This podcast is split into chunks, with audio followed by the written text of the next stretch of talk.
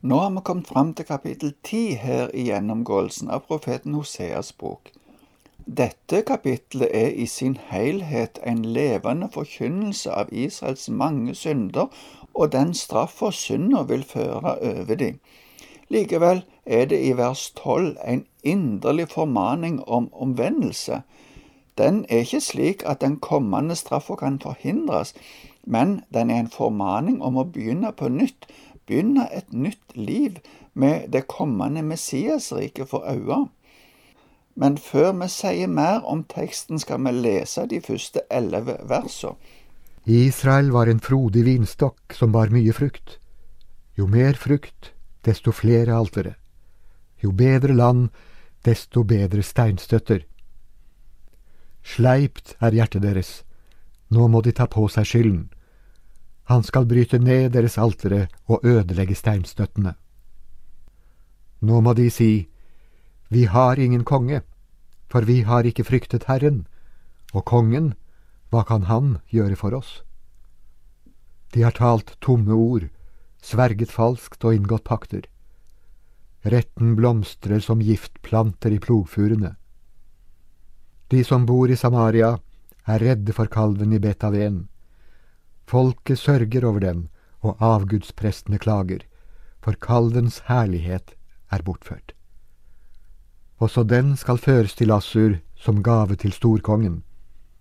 Skam skal Efraim få, Israel skal bli til skamme på grunn av planene sine. Samaria skal gå til grunne, kongen skal bli som en kvist på vannet. Avens offerhauger skal utslettes, Israels synd. Torn og tistel skal vokse oppover altrene deres. De skal si til fjellene, skjul oss, og til haugene, fall over oss. Fra Gibeas dager har du syndet, Israel, der har de blitt stående. Skulle ikke krigen nå dem i Gibea? Over ugjerningsmennene vil jeg komme for å tukte dem. Folkeslag skal samle seg mot dem når de blir tuktet for sin dobbelte skyld. Efraim var en temmet kvige som gjerne ville treske, og jeg sparte den vakre nakken hennes. Nå vil jeg spenne Efraim for, Juda skal pløye og Jakob harve. Profeten begynner med å peke på hvordan avgudsdyrkelsen vokste samtidig som velstanden økte. Israel sammenlignes med et frodig vintre. Det er et av de vanlige bildene på Israel. De fikk store velsignelser av Gud, og da er det ekstra trist å se utakknemligheten som de viste til gjengjeld, og det at de tilba andre guder. I vers to karakteriseres Israels hjerte som sleipt. En del andre bibler oversetter det med at hjertet er delt. Det kan hentyde på at de med munnen sier at de tilber Gud, men det er en hyklerisk tilbedelse. I virkeligheten er de utro imot ham. De er fulle av svik. Løgnen har ødelagt de, og vers fire skildrer denne løgnen videre. Det sammenlignes med giftig ugras. Utsagnet om at de ikke har noen konge, kan være en henvisning til den tida da kongen Hosea ble holdt fengsla fordi han ikke betalte skatten til Asyria, og Samaria var beleira i tre år.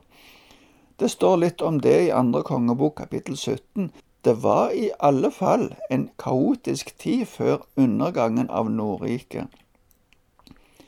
Det henviser til kalven i Bet-Aven. Som har sagt tidligere, bruker Hosea dette navnet på Betel, som egentlig betyr Guds hus. Men dette navnet betyr syndens hus. Nå har denne kalven som de har tilbedt, blitt til noe som de er redde for. Kanskje det var fordi de var redde for at den guden nå ville straffe dem, siden kalven bildet av guden var blitt bortført til Asyria. I denne sammenhengen blir Israels konge sammenlignet med en trepinne som flyter med strømmen på elva. Det er ikke kraft til å gjøre motstand. Tårner og tistler skulle vokse opp der alteret hadde stått. Dommen var allerede over de. I sin fortvilelse så ville de rope at fjellene skulle falle over de. Det ville de oppleve som bedre enn å bli ført bort i fangenskap. Kanskje du kjenner igjen dette verset. Jesus brukte dette uttrykket da han var på vei til Golgata og sa til kvinnene at de ikke skulle gråte over han, men over seg sjøl. Det står i Lukas 23, 30. Temaet blir òg tatt opp i Johannes' åpenbaring i kapittel 6 og 9. Den vonde samvittigheten forsøker å gjemme seg for Gud, slik som Adam og Eva gjemte seg mellom trærne i hagen etter at de hadde synda og hørte at Gud nærma seg. Henvisningen til Gibeas dager, det handler om det som skjedde i dommertida. Det ble òg nevnt i kapittel 9. Det er en forferdelig skildring av tida som var da i Dommernes bok. I kapittel 18 så leser vi om avgudsdyrkelse, og i kapittel 19 om kona til en som var på reise, som ble voldtatt av hele byen, og i kapittel 20 om et forferdelig internt oppgjør mellom stammene, der nesten en hel stamme ble utrydda. Israel har fortsatt med alle disse ugjerningene, og nå vil straffa komme over de. Den dobbelte skyld kan være en henvisning til at det var to gullkalver, én i Betel og én i Dan. Bildet om kviga går ut på at Israel hadde fått frihet. I treskeprosessen gikk kyrne fritt over kornet som ble treska. Det ble regnet som et lett arbeid, i motsetning til pløyinga, der dyra måtte bindes til et åk. Nå vil Israel bli bundet til en situasjon som de ikke vil være glade for. Men midt i domsforkynnelsen kommer det enda en gang en oppfordring til å søke Herren. Det kommer i vers 12, og vi leser nå resten av kapittelet til vers 15. Så med rettferd, høst med kjærlighet, bryt dere nybrott, for nå er det tid for å søke Herren, inntil Han kommer og lar rettferd regne over dere. Dere har pløyd ned urett og høstet ondskap og spist frukten av løgn, for du stolte på din egen vei og på alle dine krigere. Derfor skal krigslarm reise seg i folket ditt, og alle borgene dine skal ødelegges, slik Sjalman ødela Betarbel på stridens dag, da mor og barn ble knust. Slik vil jeg gjøre med dere i Betel, fordi ondskapen deres er stor. Når dagen gryr, er det ute med Israels konge. Sjøl om Hosea holder på med å forkynne dom, sier han at nå er det tid for å søke Herren. Vi kan se flere eksempler fra kongebøkene der konger som hørte domsord, ydmyka seg og søkte Herren. Det førte til vekkelsestider over landet, og om ikke avverging av dommen, så i alle fall en utsettelse av den. Hosea uttrykker håp om at de kanskje kan få oppleve at Herren lar rettferd regne over dem. Rettferd i denne sammenhengen kan vi tenke på som at Gud vil erklære de som rettferdige fordi de søker Han, altså at Han gir de nåde. Kanskje de likevel kan oppleve en haust med kjærlighet. Det må være det motsatte av den hausten av dom som Hosea nettopp har forkynt. Men for å hauste kjærlighet er det viktig å så rettferd. Oppfordringen går ut på å omvende seg, slutte med det de hadde gjort til nå, og begynne på nytt med en rett gudsdyrkelse. Bryte nytt land, eller nybrutt som det står, innebærer arbeid. Det må ryddes stein, det må pløyes før en kan så. Så er det viktig at det blir sådd rett såkorn.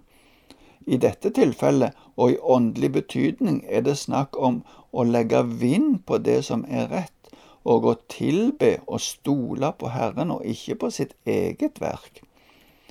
Inntil Han kommer og lar rettferd regne over dere, leste vi. Det er et perspektiv som viser at en gang vil Herren komme og sette skiller da vil rettferden vise seg på den måten at noen blir tatt med til Messias sitt rike, mens andre får dommen at de ikke blir med der.